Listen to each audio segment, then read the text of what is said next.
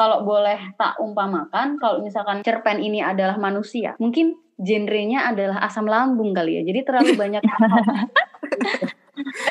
kayak kita hobi overthinking terus asam lambung. Ya kayak kita terlalu banyak anxiety gitu soal apa yang terjadi ke depan gitu kan. Semuanya serba nggak pasti gitu.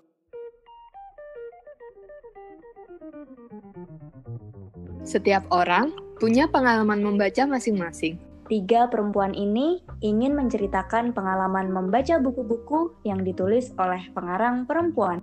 Kami merefleksikan ragam fenomena sosial dari naskah fiksi maupun non-fiksi dan mengajak teman-teman mendiskusikannya.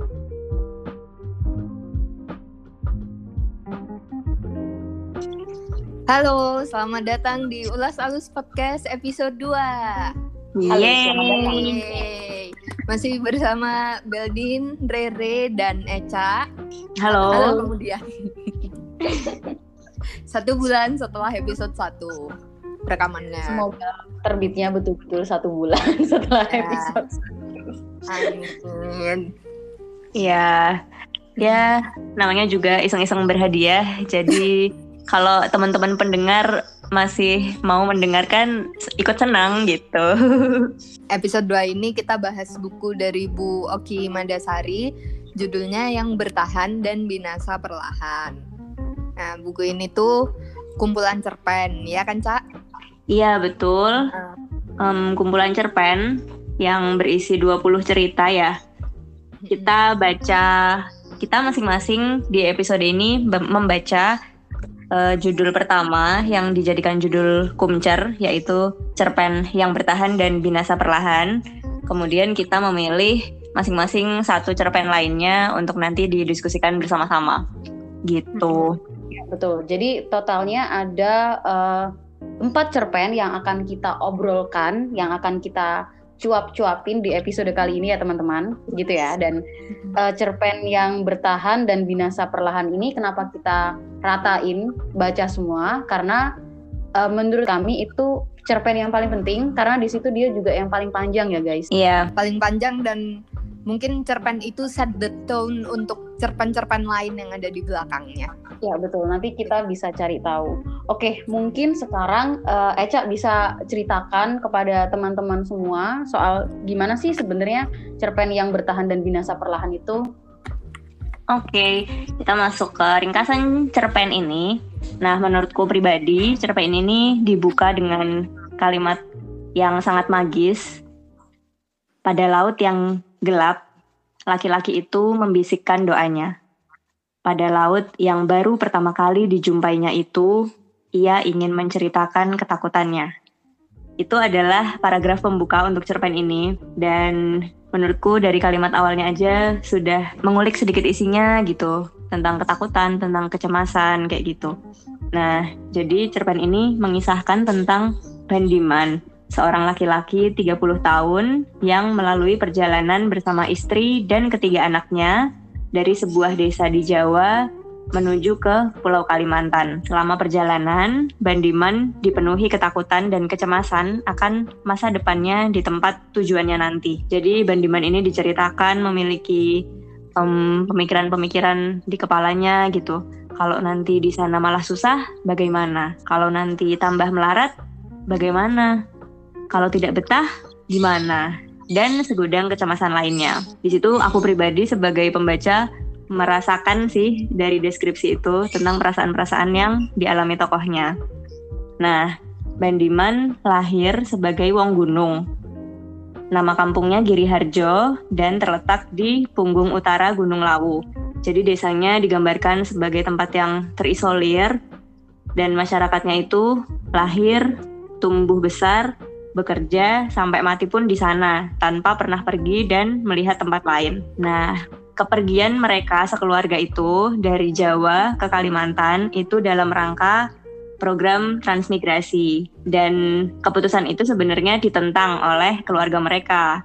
Namun karena keinginan Bandiman untuk mengubah nasib, istilahnya gitu kali ya, akhirnya mereka berangkat. Mungkin itu sedikit sneak peek tentang cerpen ini yang nantinya disusul eh, diakhiri atau apa ya konflik utamanya itu terletak pada saat sudah sampai di tujuan dan ya apakah mereka bisa bertahan di tempat tujuan seperti itu Bandiman dan keluarga-keluarga lain yang dari Jawa itu gitu. Kalau kalian gimana guys membaca cerpen yang itu? Hmm.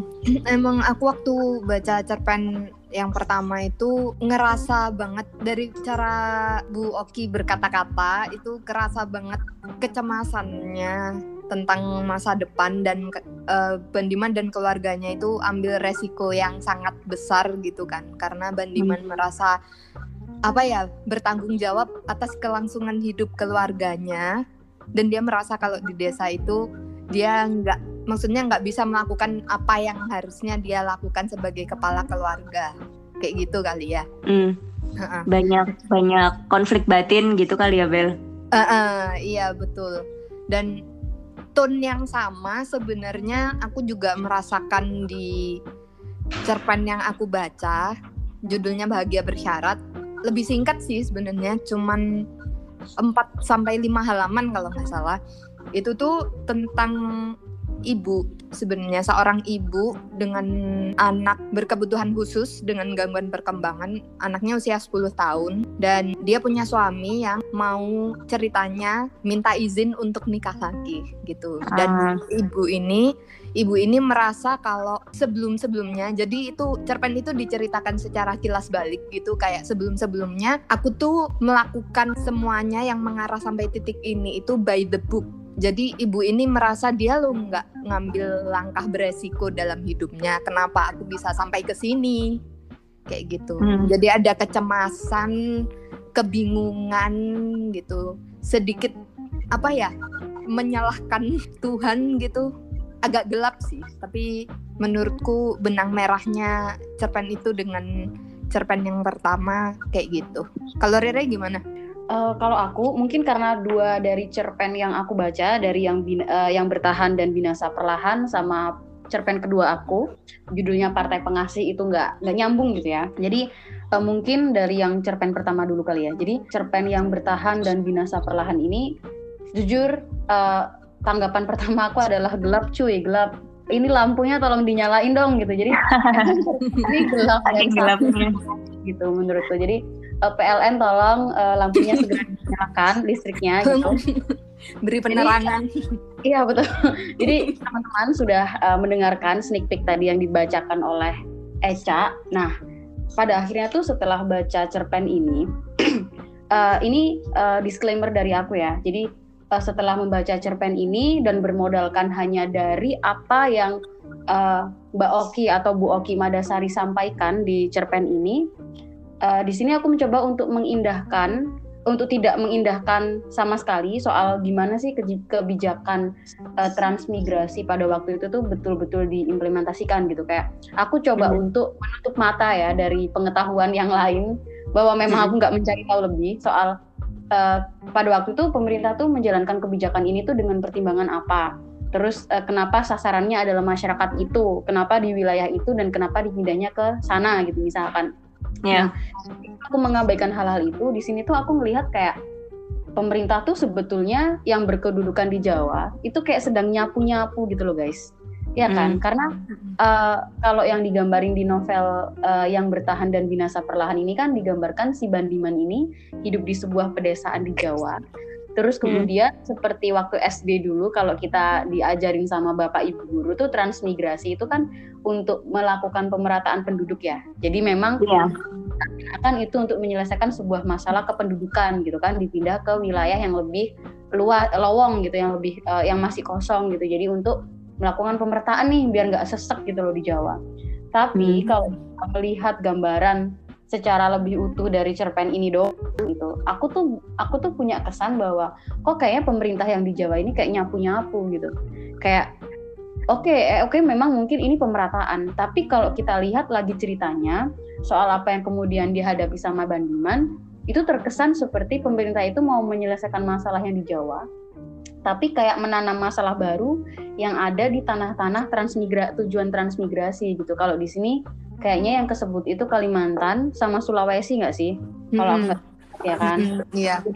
Oh, di sini. Sorry, motong bentar. Yang kamu sebut Boleh. masalah itu yang uh, bibit mereka dikasih bibit kemudian bibitnya nggak bisa tumbuh itu salah satunya ya? mungkin itu gitu tapi uh, uh, apa namanya uh, mungkin nanti tak ceritain agak di akhir gitu uh, jadi uh, di sini tuh kemudian nah aku di sini ngelihat kalau orang-orang Jawa ini yang jadi sasaran program transmigrasi itu seakan-akan uh, langsung diiming-imingi gitu aja loh guys. Kayak jaminan kesejahteraan uh, hmm. di tanah yang baru gitu kan. Terus kayak kepemilikan lahan baru kepemilikan rumah gitu yang di Jawa itu tuh nggak bisa mereka dapatkan gitu kan jadi seakan-akan dengan ikut transmigrasi itu hal-hal yang mereka impikan soal akses ke lahan, akses ke pemilikan tanah dan rumah itu langsung dapat gitu di tanah yang baru gitu kan. Hmm, itu kan yeah. kayak indah banget guys. Itu kayak jackpot. Hmm. Kamu pilih oleh pemerintah, dapat program ini gratis, tinggal daftar, masukin kakak doang, udah kamu akan mendapatkan impian-impian kemapanan itu segera terwujud kan gitu kan bayangannya gitu. Hmm. Jadi mereka kan di sini kalau tak lihat itu kayak Bandiman, tokoh utama kita di sini tuh kan hidupnya masih bergantung sama mertuanya ya. Mm -hmm, uh, yeah. Dan ternyata di sini dia itu sangat mendambakan kemandirian gitu. Dan kebetulan ya itu tadi ada rezeki nomplok. Nah, tapi yeah. pada akhirnya apakah betul-betul itu di sana menyelesaikan masalah? Nah, kalau menurutku yang jadi masalah baru itu tadi adalah uh, ternyata di Kalimantan itu kan yang jadi kepastian kan cuma kepemilikan lahan itu doang kan sama rumah dan mm-hmm. hak mereka untuk mengolah tanah, kemudian bibit-bibit tadi gitu kan. Cuma itu yeah. doang. Tapi uh, di sana tuh uh, aku nggak ngerti kalau di program transmigrasi yang sebetulnya, tapi based on uh, cerita ini aja, seakan-akan masyarakat itu ya udah uh, dilepas gitu aja, ditinggal, dan di situ tuh nggak digambarkan uh, gimana ada nggak sih akses pendidikan, akses yeah. kesehatan dan lain-lain itu tuh cuma dibiarin hidup gitu aja hmm. dan di sana pada akhirnya kan mereka berburu kan uh, si bandiman hmm. ini gitu. Iya. Jaminan-jaminan itu ke depannya itu mereka kayak struggling sendiri kan pada akhirnya.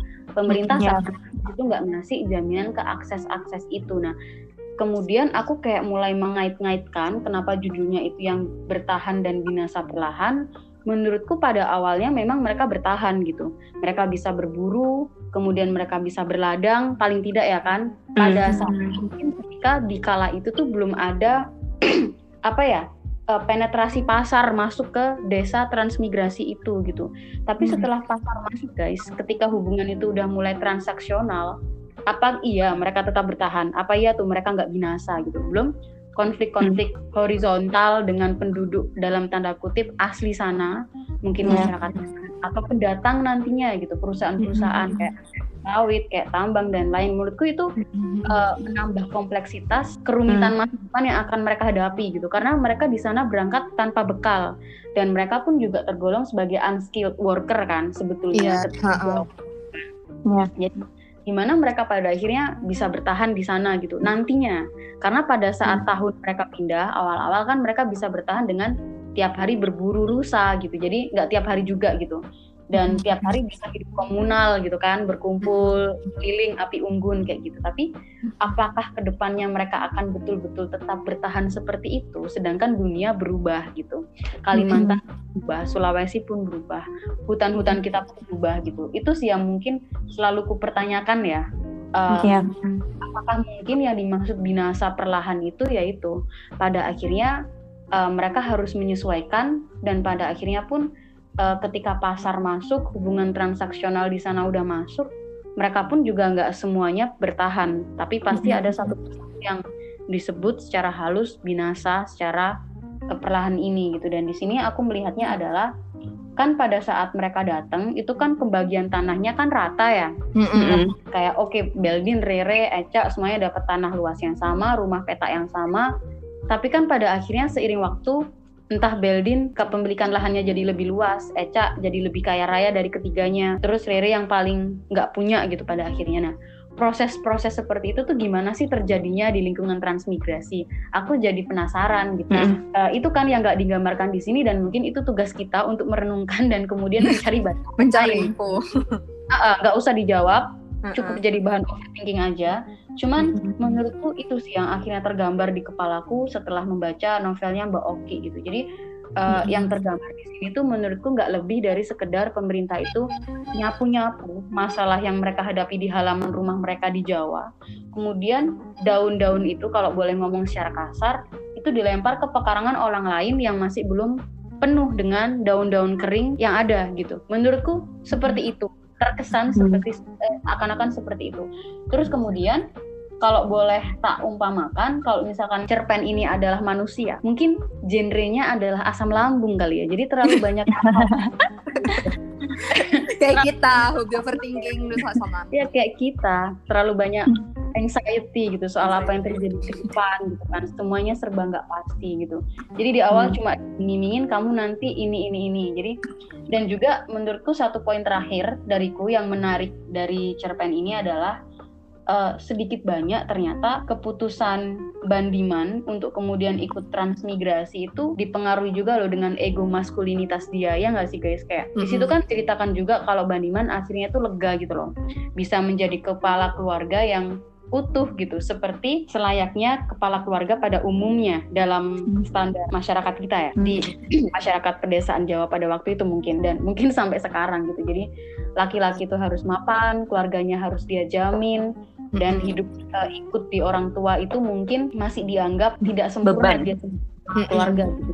Beban. Dia anaknya banyak. Kemudian pernikahan dia juga dari hasil dalam tanda kutip kecelakaan, kecelakaan. gitu kan di situ ya kan jadi kayak uh, harga diri Bandiman di situ kalau bertahan di desa udah dicabik-cabik luar biasa sehingga uh, ego maskulinitasnya dia tuh mengatakan bahwa aku harus mengambil kesempatan ini supaya aku bisa menjadi Bandiman yang gagah Bandiman yang uh, sempurna sebagai kepala keluarga dan Mbak Oki di sini tuh memberikan kesempatan Bandiman untuk menjadi superhero di mata anaknya di akhir-akhir cerita ketika mm-hmm. anaknya melihat bapaknya tampil gagah, tampil seolah-olah sebagai pemimpin kelompok di tanah yang baru karena dia memimpin kelompok berburu di situ. Aku suka banget di bagian mm-hmm. itu karena pada akhirnya mungkin ini menggantung tapi bagiku happy ending di situ adalah ketika Bandiman bisa tampil sebagai ayah yang bisa dikagumi oleh anaknya. Sedangkan ketika di Jawa itu tuh nggak nggak bisa Bandiman dapatkan karena tetangga udah ngecap Bandiman sebagai orang yang runtang lantung nggak jelas nggak bener. Keluarga aslinya keluarga kandungnya dia nggak ngakuin lagi. Mertuanya yeah. udah akil kayak gitu. Jadi itu sih bagian yang harum menurutku di akhir gitu dan terima kasih Mbak Oki bahwa Mbak Oki sudah memberikan kesempatan bagi Bandiman uh, dari secara asam lambung banget ini. Gitu. kalau kita dari apa namanya cerpen yang pertama gitu. Mungkin uh, Eca ada tanggapan nggak atau aku bisa lanjut ke cerpen kedua gitu? Um, sedikit mungkin ya bahwa cerpen ini tuh walaupun digambarkan dari sudut pandang apa ya maksudnya yang disorot itu kan uh, Bandiman dan perasaannya gitu. Yang dideskripsikan itu kan dari sudut pandangnya Bandiman ya kebanyakan. Tapi dari cerpen ini uh, bisa mengupas seperti yang tadi Rere sampaikan gitu. Betapa masih problematisnya sebuah kebijakan gitu yang kayaknya diterapkan. Mungkin sebenarnya niatnya bagus lah ya Re uh, kebijakan diterapkan pasti ada tujuan baiknya gitu tapi alangkah banyak hal-hal yang dilupakan gitu um, dalam prosesnya menjadikan kebijakan itu tuh benar-benar berjalan, mensejahterakan masyarakat kayak gitu tuh banyak aspek yang dikesampingkan dan dilupakan begitu saja dan itu berdampak ke masyarakat loh, itu manusia loh yang menjalani itu sesama kita loh gitu. Mm -mm. Mm -mm. Dan mau nggak mau kan di tempat baru itu apa ya? Aku jadi keinget uh, pernah dengar tentang meritokrasi nggak? Belum, gimana apa itu? Jadi meritokrasi itu prinsip mungkin ideologi yang mm-hmm. mengatakan bahwa semua manusia itu ya dia tuh sama rata dan dia tuh harus berjuang pakai tenaganya, pakai otaknya untuk mendapat posisi yang unggul di dunia ini. Jadi cara dia hmm. bertahan ya kayak gitu. Nah, uh, mungkin kalau transmigrasi itu harapannya pemerintah juga ada itu. Jadi persaingan yang lebih sehat mungkin di antara masyarakat. Uh, instead of kayak kalau selama ini kan kita kayak oh hidupnya dari nama keluarga gitu. Misal kita bersaingnya pakai nama keluarga gitu. Karena keluarganya udah terkenal uh, kaya gitu juragan apa gitu. Jadi dia bisa lebih maju langkahnya tapi uh, ketika dipindah uh, lupa kalau sebenarnya orang-orang kan mereka uh, backgroundnya kan orang-orang desa dan orang-orang desa itu sebenarnya bukan bukan kayak gitu tapi mereka hidupnya kan lebih ke gotong royong tuh Iya. gotong royong dan saling bantu kalau ada yang pu ada yang punya nggak punya dikasih. Nah ini sama-sama nggak punya terus gimana? Kayak ada Iya. kebingungan itu. Jadi kalau mau meritokrasi itu mulai dari mana gitu Betul. Iya. Dan ingat gak guys kata-kata orang-orang yang nggak istilahnya nggak mau pindah pada akhirnya karena pas di Jawa yang di desanya Bandiman itu loh yang mertuanya Bandiman atau aku lupa siapa kayak mertuanya Bandiman sih uh, Hmm. bilang urip mati neng kene susah seneng urip mati neng kene bareng-bareng jadi Mm-mm. meski Iya. susah mau gimana pun pokoknya yang penting bareng-bareng sama keluarga bareng-bareng sama orang-orang desa di situ satu Iya, desa satu iya. keluarga nggak masalah jadi emang pada Iya. saat itu ya eh, konsep-konsep itu konsep-konsep komunal itu yang masih eh, dijunjung Melekat. dan sangat-sangat kental kan melekat bahkan mereka sama sekali eh, nggak tergoda gitu loh dengan iming-iming kepemilikan lahan rumah dan lain-lain karena bagi mereka buat apa menjadi kaya tapi kalau nggak bersama-sama gitu jadi Mm-mm. memang nilai-nilai itu tuh ternyata masih lekat. Jadi mungkin ya masuk sih eh, ketika eh, cerabut dari tempat asal mereka yang di situ Mhm. semuanya saling tergantung, berhubungan dan saling dibantu, kemudian memulai hidup di eh, tanah baru gitu. Tapi kan bersama Sama. orang-orang baru. Mm-mm. ya dan sama juga di sana mereka berburunya awal-awalnya kan juga gotong royong gitu kan. Mm-mm. Iya. Deep ya. Cerpen pertama. Tentang resiliensi, tentang adaptasi, kecemasan, melambung tentang masa depan. Mhm. Iya. Boleh lanjut cerpen Gitu. kedua, Re? Oke, jadi kalau cerpen kedua ini sama sekali kayaknya aku sih nggak ngerti ya kalau pembaca lain. Aku nggak melihat ini ada hubungannya. Jadi ini cerpennya kocak menurutku. Judulnya Partai Pengasih gitu. Ini pendek kalau dibandingkan dengan cerpen yang pertama. Jadi secara singkat, cerpen ini tuh soal seorang kiai yang dipercaya sakti. Jadi soal eh, soal masyarakat di suatu desa yang mempercayai seorang kiai yang dipercaya sakti tadi gitu. Dan si kiai ini itu eh, mampu digambarkan mampu gitu memberikan ajian pengasih kepada setiap orang yang datang buat minta itu gitu. Jadi ajian pengasih ini kayak bisa buat sembuh juga, bisa buat pokoknya kalau ada masalah atau hal-hal yang harus dibereskan gitu bisa minta ke kiai ini gitu. Intinya seperti itu. Jadi orang-orang itu kayak minta gula gitu. Jadi eh, orang-orang ini akhirnya makan gula itu untuk menghadapi lawan bicara. Jadi misalnya kayak gini, teman-teman mau minta ajian pengasih ke aku, tak kasih. Nah, Beldin itu pengen mempengaruhi seseorang, mempengaruhi Echa gitu kan. Beldin Hmm. makan gula itu sebelum ngomong sama Echa. Nah, nanti Echa akan nurut, akan respect sama Beldin. Intinya seperti itu gambarannya ya si ajian Hmm. pengasih ini gitu. Nah, jadi banyak tuh orang datang ke kiai buat berobat, minta saran, terus minta penyelesaian masalah dari si kiai ini gitu. Nah, singkat cerita, pada waktu itu itu musim kampanye, guys. Aku lupa apakah itu pilihan legislatif atau pilkada, tapi yang jelas pada waktu itu banyak orang-orang dari banyak partai itu datang. Ada partai merah, hijau, kuning, hitam, merah dan lain-lain, hijau, hitam, apalah itu, kuning, hitam gitu kan. Minta Hmm. ajian pengasihan ini ke Pak Kiai. Jadi semua itu pada pengen masyarakat itu nyoblos mereka. Jadi mereka datang satu-satu ya tapi pokoknya intinya minta ajian pengasihan itu supaya mereka jadi gitu kan dalam tanda kutip jadi.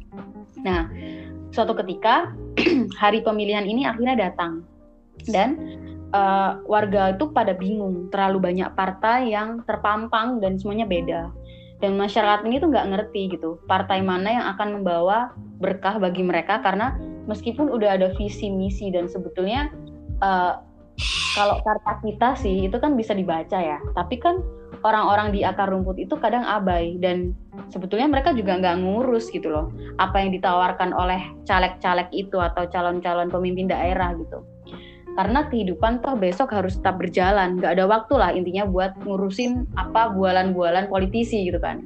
Intinya mereka pada nggak ngerti mau pilih yang mana. Akhirnya karena mereka sangat mempercayai Pak Kiai ini mereka datang ke rumah si Pak Kiai. Semuanya hampir semua orang desa datang ke rumah Pak Kiai. Pak Kiai kira-kira partai mana nggih? Partai mana ya yang bisa mendatangkan berkah di tahun-tahun ke depan? gitu. Nah, akhirnya Pak Kiai bilang, semuanya bagus. Jadi coblos aja semuanya. Semuanya mendatangkan berkah. Nah, inilah letak Jeng jeng. ini karena uh, warga yang polos, yang sangat-sangat innocent dengan caleg-caleg itu dan segala bualan yang ditawarkan, itu pada akhirnya lebih nurut kata kiai daripada uh, bualan-bualan yang tersemat di baliho-baliho itu yang jadi sampah visual. Sedangkan caleg-caleg yang akhirnya ingin dicoblos, semuanya impiannya terwujud bahwa semua masyarakat akhirnya emang nyoblos mereka. Nyoblos dia. Gak ada yang kalah, gak ada yang menang gitu. Maksudnya Hmm. impas gitu. Masyarakat nyoblos semuanya dan karena Hmm. mereka masa bodoh, sedangkan caleg-caleg ini keinginannya tercapai. Dan Pak Ya. Kiai dapat uang dari caleg-caleg ini karena udah ngasih pengasihan gitu kan. Jadi win-win solution. Ya udah. gitu kan. Fair banget ya. Iya. Fair banget adil gitu deh. Jadi Iya. menurut aku ngakak banget sih dari cerpen ini tuh uh, kayak menyinggung kesatiran dan kejena- kejenakaan dari uh, perilaku politik praktis kita selama ini bahwa sebetulnya mau kita berantem gimana pun tuh ya buzzer-buzzer kalau pada dengerin ya tolong diperhatikan pada pada akhirnya itu masyarakat di bawah kita kita ini tuh nggak ngerti loh dan kita tuh mau kalian membual setinggi apa pun kami ini cuma mau menyambung hidup dan memikirkan besok mau makan apa gitu Ya. pada akhirnya itu kenyataan yang kita hadapi selama ini gitu Hmm. dari dari politik praktis kita yang selama ini kita lakukan pada akhirnya realitanya tuh itu gitu. Pada akhirnya ya udah masyarakat terpaksa harus masa bodoh karena terlalu banyak mungkin ya bualan yang sudah diberikan tapi nggak ada hasilnya mungkin kayak gitu. Jadi akhirnya yang tergambar di no- di cerpen ini tuh kayak gitu. Akhirnya yaitu digambarkan disindir oleh Mbak Oki sebagai eh, itu tadi akhirnya win-win solution. Yang terjadi ya emang itu gitu. Tapi nggak tahu kalau pembaca punya tanggapan atau eh, pemahaman lain gitu gitu Ya. sih kalau dari cerpen yang kedua Hmm, Powerful banget Kiai ini ya, didengerin gitu. Pokoknya dia ngomong apa juga didengerin. Sendi kodawu gitu ya. Sendi kodawu. di daerah aku itu masih terjadi jadi memang ada Hmm. seorang eh, ulama gitu pokoknya tokoh agama yang memang masih dituakan dan juga diperlakukan seperti Pak Kiai ini orang minta saran minta penyembuhan dan lain-lain minta doa gitu. memang mungkin di bagian daerah di rural Java itu masih Iya. terjadi Iya. Heeh, Iya. Dan dan untuk daerah-daerah ini kelihatan polanya pasti para politisi kan sepik-sepiknya ke tokoh-tokoh agama dulu untuk Betul. mereka nanti yang mempengaruhi masyarakat gitu kan. Ya, Betul. sowan dulu lah. Iya. sowan dulu lah ya untuk kemudian mengkomodifikasi agama ya berat banget Iya. masih agama maaf Iya, iya, iya, menarik. Kedengerannya sih kalau kalau sekilas emang nggak ada, maksudnya kalau sama yang lain. Tapi kita belum denger cerpen keduanya Eca ya. oh ya, iya belum, belum. Heeh. Yaudah cerpen keduanya Eca dulu aja. Oke, kalau cerpen eh, cerpen kedua yang aku baca yaitu berjudul akad. Ini akad yang dimaksud bukan akad nikah, tapi akad eh, kesepakatan sebelum ambil KPR gitu. Ceritanya tentang pasangan suami istri yang sedang menghadapi selembar berisi akad ini untuk ambil KPR rumah. Nah, si istrinya nih lagi hamil juga kebetulan enam bulan terus mereka di hadapan lembar kontrak itu berpikir berpikir panjang apa ya eh, pusing lah masih mikir-mikir juga tanda tangan nggak ya tanda tangan nggak ya gitu karena jangka KPR yang mau diambil 20 tahun Hmm. dan itu waktu yang sangat panjang untuk mengangsur sebuah rumah tinggal gitu. Jadi mungkin kalau mau dikaitkan sama cerpen yang bertahan dan binasa perlahan itu menurutku lebih ke ketidakpastian akan masa depan gitu. Tapi kita sementara kita harus tetap survive. Tapi masa depan tuh nggak pasti. Terus kita bisa ngapain ya gitu. Lebih ke itu sih. Iya. Terus Em, Kalau Hmm. percakapan antar suami istri itu waktu di depan kontrak. KPR itu gimana, Cak?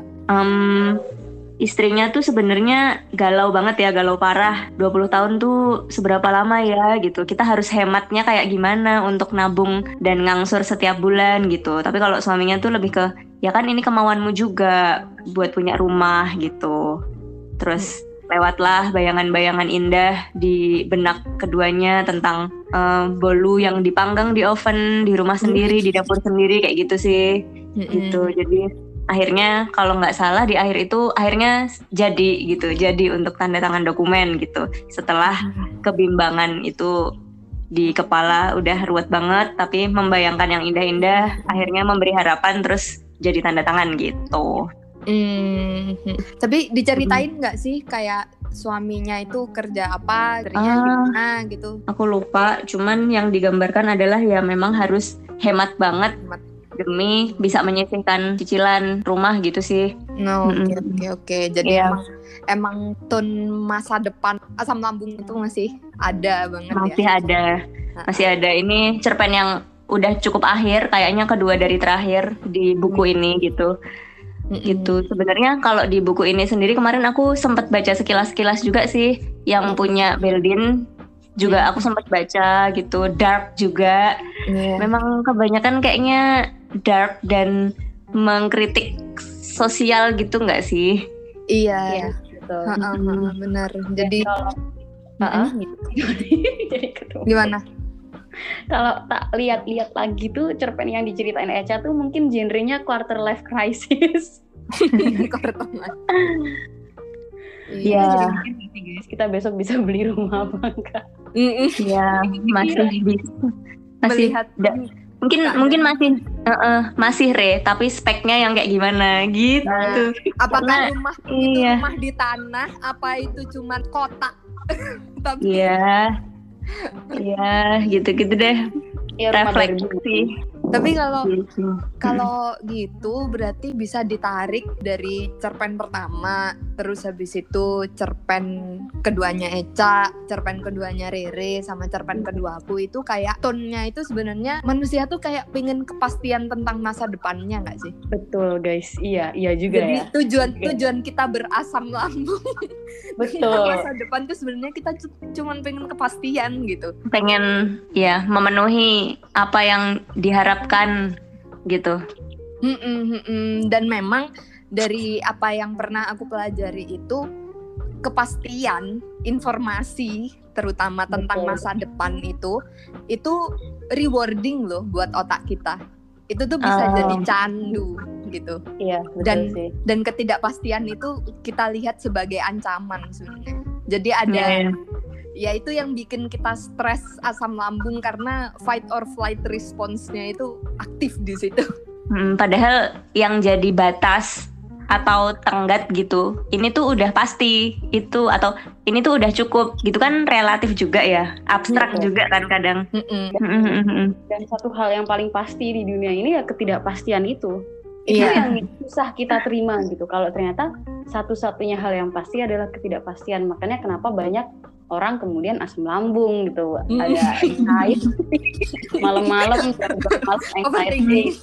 Tapi Hmm. beneran guys, iya bener aku setuju banget kalau novel ini pada akhirnya eh novel sorry kumpulan cerpen ini pada akhirnya itu menyadarkan kita bahwa ya selama ini manusia memang selalu menuntut kepastian ya karena kayak bandiman tadi terus kemudian kayak caleg-caleg tadi gitu kayak Iya. nagih gitu kan ke Pak Kiai pokoknya mereka eh, melakukan semua upaya untuk mendapatkan kepastian gitu kan. Terus dari cerpennya Eca, dari cerpennya Beldin, semuanya tuh paling nggak kalau nggak mengupayakan kepastian, paling nggak ya mengharapkan kepastian gitu, mengharapkan Kepuasan. stabil. kepuasan Oh. mm-mm. ya Padahal aku tuh gini, kemarin baru aja nonton ulang drama Korea. apa tuh Jadi dok- dokter eh, judulnya eh, Dokter Romantik, tapi aku nonton yang season 2. Aku Hmm. karena suka banget yang season 2 ini.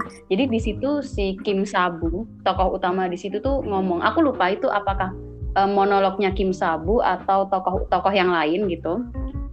Cuman di sana dia ngomong bahwa eh, pada akhirnya tuh hidup ini tuh ya soal menjalani hari demi hari gitu. Mau nggak mau itu, entah kita mau atau entah kita nggak mau, pada akhirnya ya emang hidup ini hanya persoalan menghadapi hari demi hari. Karena kan mau nggak mau besok akan tetap datang gitu.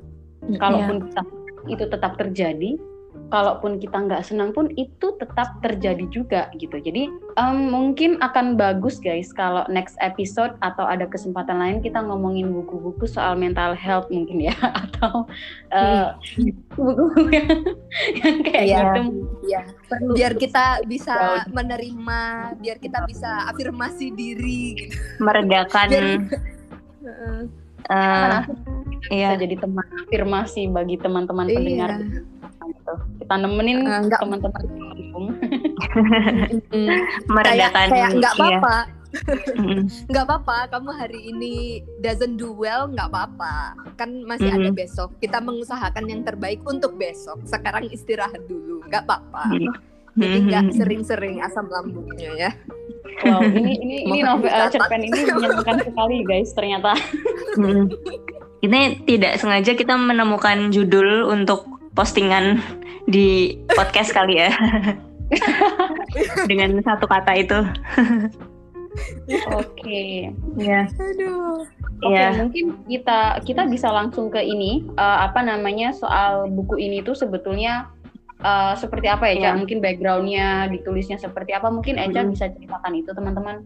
Iya, jadi buku ini kumpulan cerpen yang ditulis oleh Mbak Oki Madasari berisi 20 cerita pendek dan diterbitkan diterbitkan oleh Gramedia di tahun 2017. Ini cetakan pertama.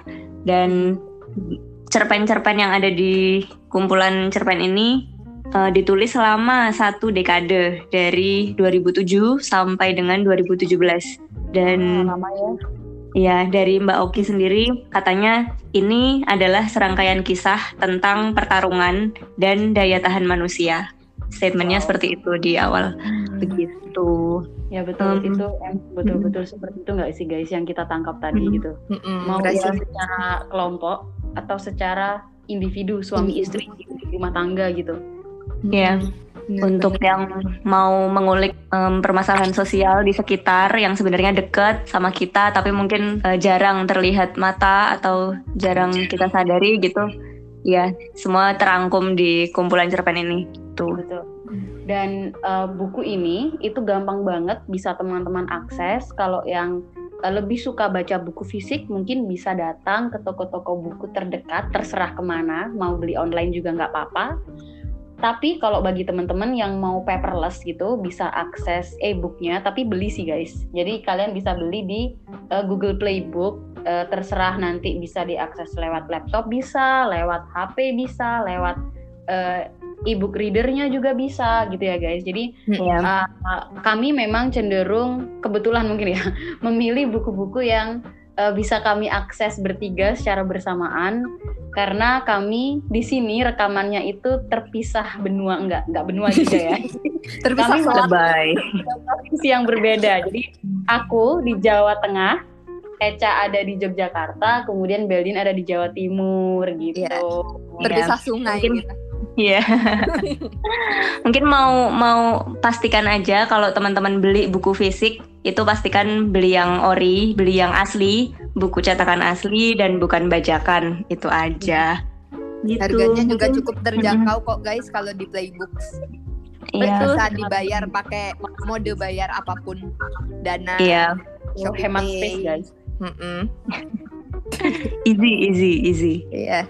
Mungkin itu dari episode 2 ini bisa kita lanjutkan diskusi di platform lain, bisa di media sosial, di kolom komentar, Mm-mm. atau bisa colek-colek kita discuss via Japri. Kita terbuka banget buat yang mau ngusulin judul selanjutnya untuk dikulik dan dikupas, dipersilakan juga. Iya. ya nih Oke, kalau begitu. Ulas alus pamit dulu. Terima kasih. Iya. Dadah. Dadah. Dah.